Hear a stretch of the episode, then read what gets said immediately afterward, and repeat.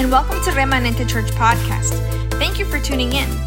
Our desire is to bring a message of transformation and hope. Take this time to listen closely and dive into the word that God has in store for you. Enjoy the message.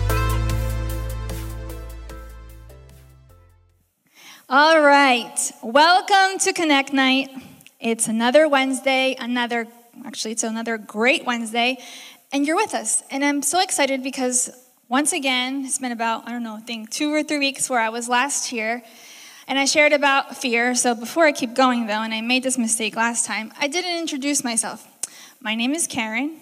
For those who don't know me, I've been with the church almost 10 years, um, which feels really weird to say, but I'm just happy that you're here tonight, and I just want us to kind of dig into the Word, get comfortable. I really, really enjoy sharing because for me, when, when I get ready for the word or I prepare a message, I sometimes I have like one word and from there I just keep going. And sometimes I really don't know what I'm going to say. And it's right at the end where the Lord starts speaking to me and and that kind of happened last night. So I'm excited about what I'm going to share and I hope you are too. So get ready.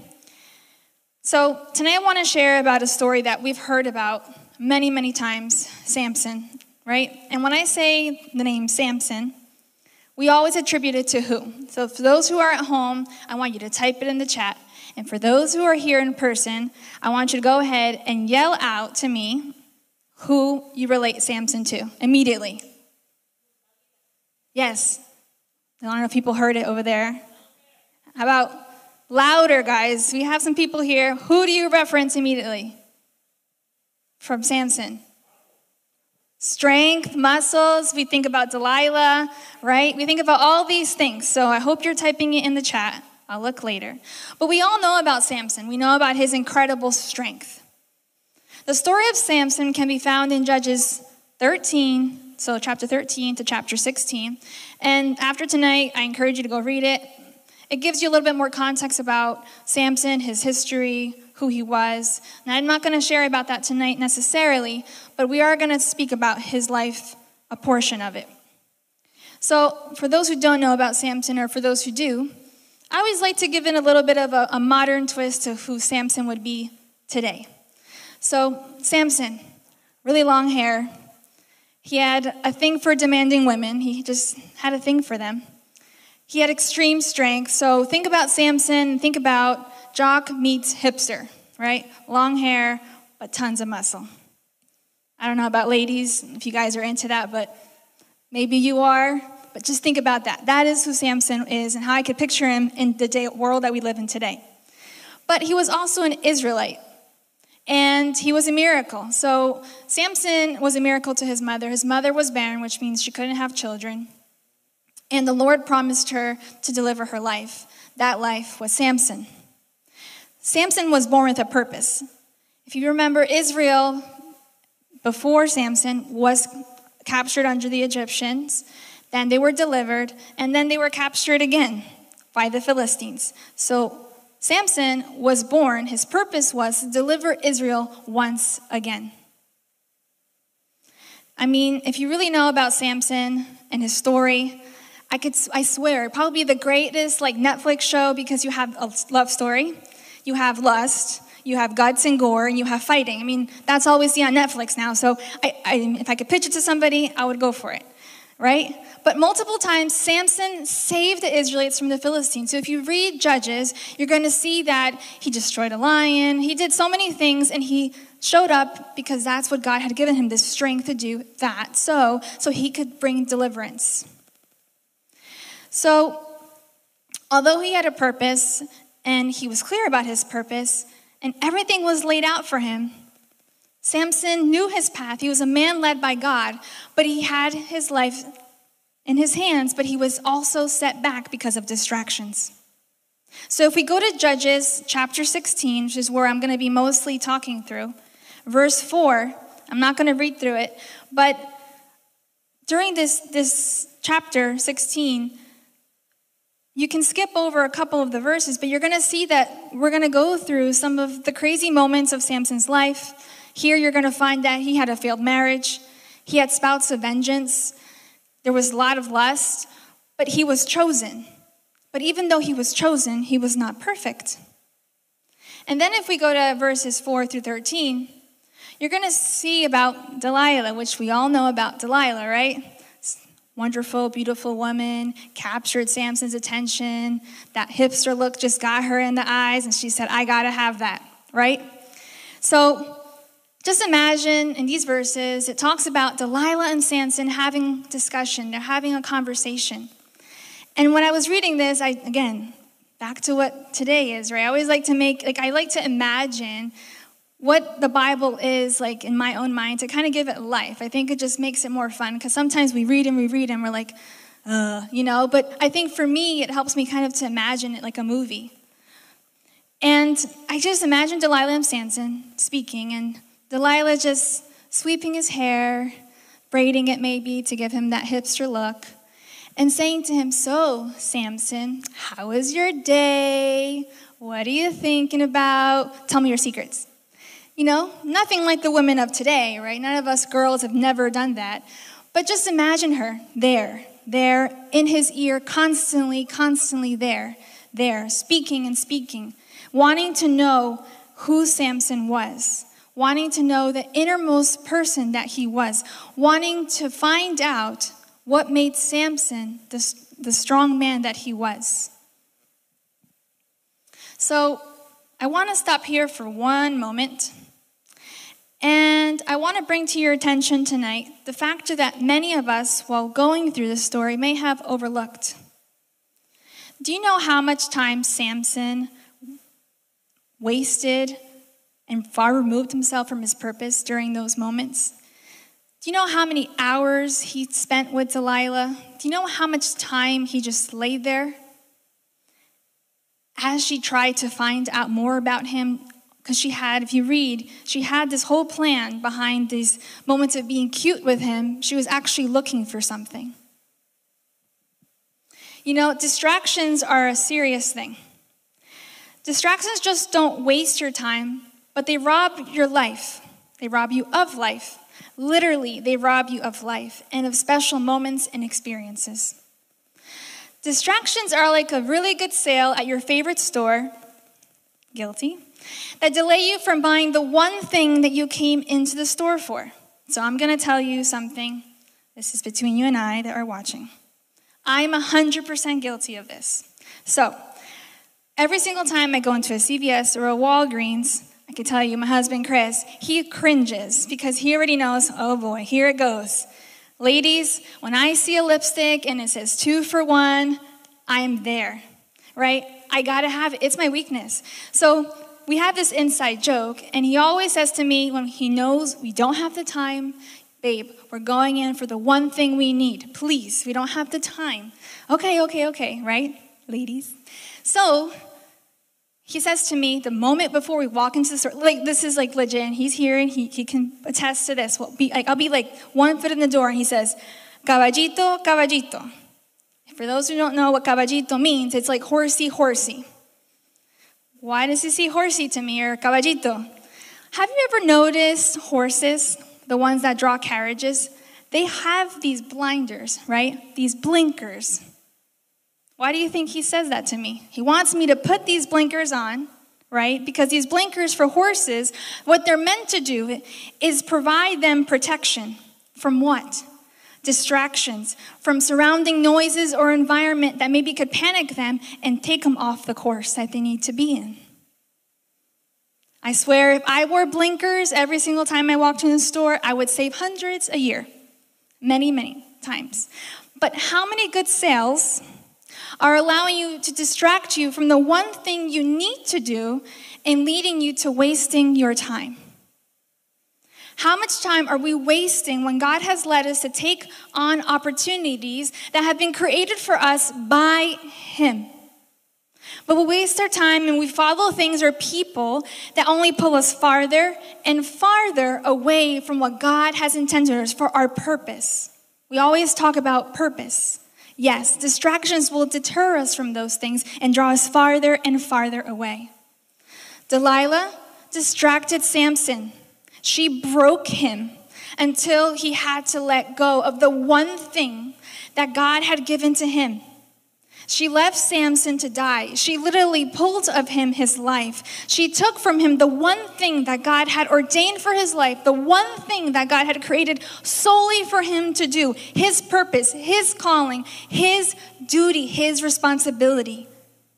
And then she left him to hang. She left him there to just figure it out on his own. She walked away. She didn't care. She sucked the life out of him, literally.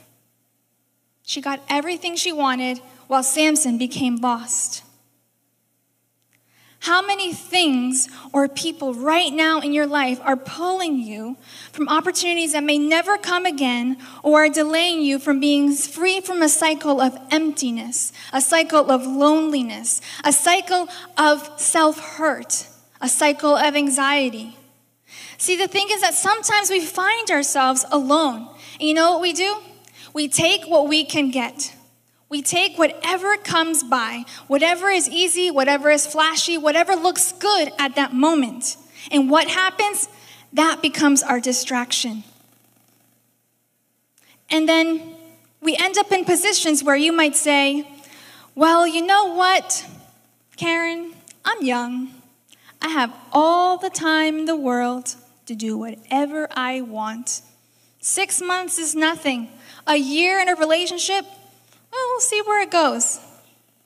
Distraction. Or you might say to me, Karen, I lived a hard young life. I had to grow up quickly. I had to do take on responsibilities. I had to take on opportunities. So now it's my time to do what I want to do. It's my time to just allow myself to enjoy my life. Enjoy my life? What? That means anything that comes on by is going to be part of what you do? Distractions. Distractions are just as smooth as the lies we tell ourselves when we don't want to have to look at the time and realize it's passed us on by. Delilah again cost Samson his life. Samson took his blinders off, remember, caballito, caballito, and allowed himself to be distracted from the opportunity to save Israel. Israel, a nation of God the chosen nation. When we waste our time, we have allowed ourselves to prioritize us, me, I, before God. Many youth tonight have been wasting so much time. I cannot tell you how many times I've seen people around me waste their time and wither away, just waste away because they let anything that's around them take on priority. We see things, especially us young folks, we see things that are like, oh, it's just a short period of time, and we don't think about what that could bring later on. We don't think about how that could impact our purpose. We don't think about the future. We don't think about what could come next. We live day by day waiting to see what's going to happen. We sit there and say, well, Opportunities in my life, they're just going to come when they come. What's meant to be is meant to be. What is that? What is meant to be is meant to be? That's just an easy excuse to say, you know what? I'm not going to work for things. It's easier for me to take what's in front of me, like a drive through or a dollar menu. It's cheap, it's easy, and it's good, and it fills me, than to sit there and really work for something. Many of you have wasted so much time that you're so aware of it that you're so stuck in it at this point that you can't get out of it. Because now you're angry, because you know you've missed out on opportunities. You're so self aware, you're guilty, you have shame because you've wasted all this time. You see other people progressing in different ways, maybe not financially, and I don't mean that, but they're progressing. Their level of maturity, the life that they live, level of responsibility they have, the things that they do defines their character. And where are you? Still hanging out, still being with people that are pulling you farther and farther away. We keep telling ourselves that it's okay, that time is of there. We hear all these phrases and we say, time is money, time is essence, so on and so forth. All these phrases. And then what happens? We become comfortable in friendships and relationships that are not meaningful. We enter into routines that bring no outcomes. We live in lifestyles that bring us debt because they make us look a certain way. We allow everything else around us to really drive what we do distractions. Complacency doesn't allow you to go the extra mile because it's just too much to do. I don't care how old you are or how young you are. God has given to you a level of responsibility. He has given you time. Time is vital in your life. Time will draw you either farther away or closer away, but you decide that. And I think it's time for us to be very real with ourselves and realize that we need to put on our blinders, remove distractions that are weighing us down, distractions that are creating scars instead of creating strides. We all have opportunities before us, and it's never too late to tell God, Here I am. Forgive me for allowing distractions to interfere for what I was created for. I'm going to go back to Samson. Even though Samson had wasted his shot, time, opportunity, God redeemed him at the very end. I'm going to read from Judges very quickly. So in Judges chapter 16, verse 28 through 30, it says, Then Samson prayed to the Lord Sovereign God, remember me. Please, God, strengthen me just once more. So imagine this man, this man who has just lost everything. The meaning of his life, what happened to it? He's literally standing there having to look at God and say, God, I've wasted time. I wasted the time that you gave me. I've wasted the calling you gave me for a distraction. Then he says, Strengthen me just once more, and let me with one blow get revenge on the Philistines for my two eyes. Then Samson reached toward the two central pillars on which the temple stood. So this guy was holding on hard because he knew this was it. Bracing himself against them, his right hand on one and his left on the other, Samson said, Let me die with the Philistines. Let me die with the Philistines. Samson was at a point in his, his life, what was left of his life, that the one thing that distracted him was going to die with him. Instead of him moving on, no, he died with it. Then he pushed with all his might, and down came the temple on the rulers and all the people in it. He killed many more when he died than while he lived. So that's where we hear how God redeems him. Although Samson wasted an incredible amount of time and he allowed distractions to get in the way, at the very end of it, he asked the Lord to give him one last chance. The Lord is merciful. And I want to tell you that tonight. If you have wasted time, if you know that you are distracted right now, if you know you are putting other things before God, before anything else in your life, God wants to tell you that He loves you and He has mercy and He can renew and restore the time that has been taken away. God has not boxed you out, even though you have. He hasn't boxed you out, you've boxed God out. And God is saying to you, prioritize me and everything else will come. Prioritize your family and you'll see what I will do. Prioritize serving and I will open the doors. How many of us allow other things to get in the way of what we could doing at this very moment because it's not flashy, because it's not cool, because it's not the newest thing that exists here on earth or for us to do, or it's not cool to post on an Insta story or Instagram or whatever you want to call it or TikTok it. And we don't think it's cool enough, so we let other things that make our time. We sit here sometimes and we think, you know what? I don't even care about listening to a message. It's more fun to look through my phone and swipe through it and look at pictures than hear God's word distractions. So tonight you have it, before I finish, before I end, tonight you have a decision. And the decision you have tonight is between death or life. It's that serious.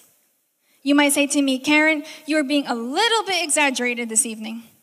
But you know what?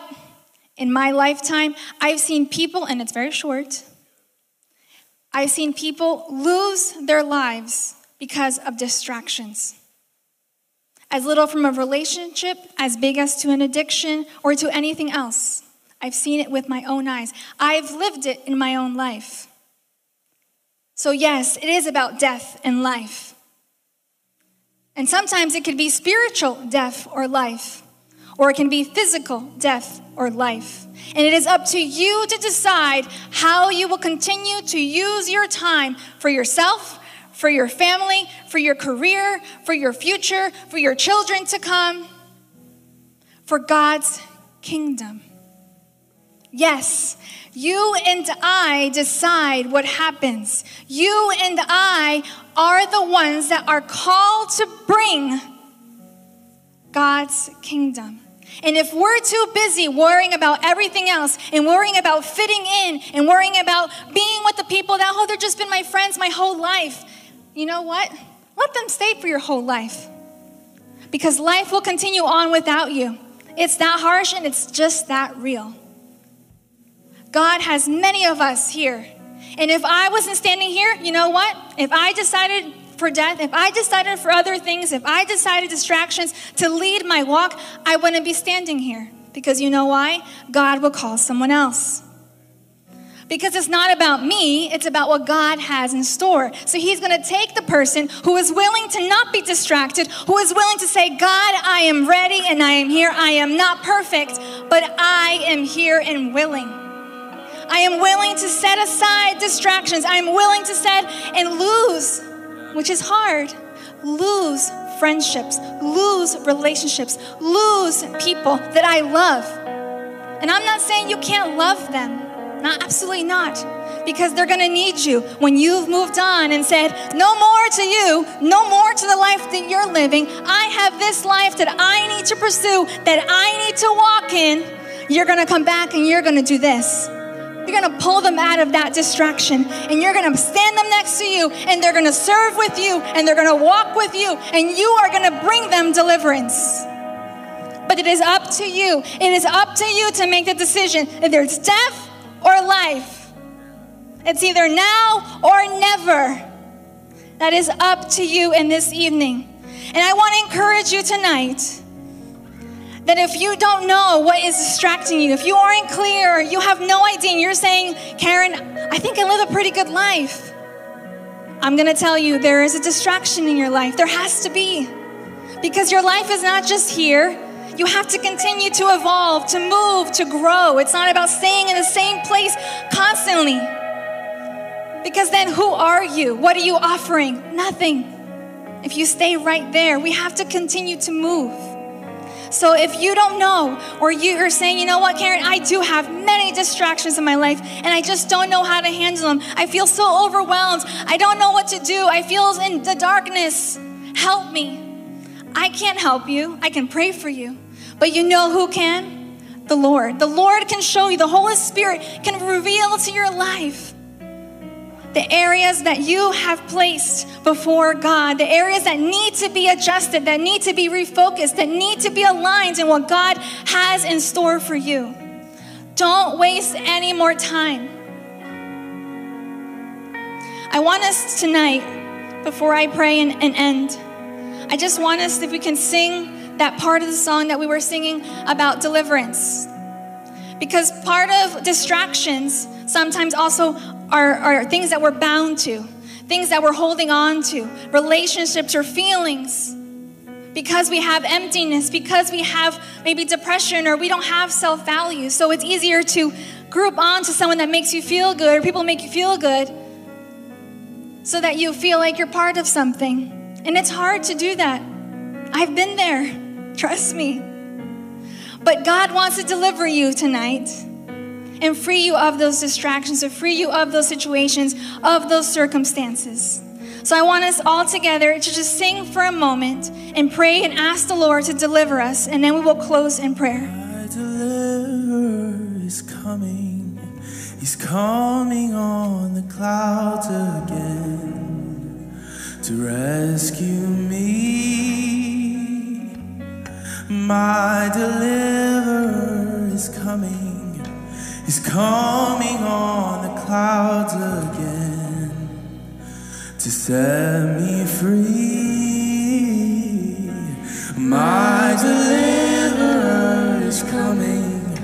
He's coming on the clouds again You have the to opportunity. rescue me. You have a deliverer. My deliverer. Is no reason why you can't be freed. None. on the clouds None at all. to set me free. Oh, my deliverer is coming. He's coming on the clouds again to rescue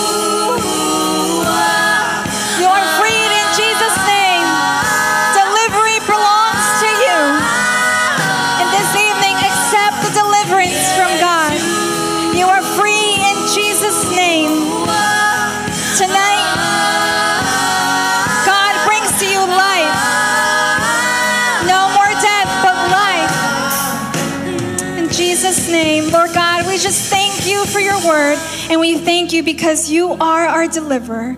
In Jesus' name, amen. See you next week. If this message has blessed your life, make sure to share it with others. Don't forget to catch us live on Facebook and YouTube every Wednesday at 8 p.m. See you next time.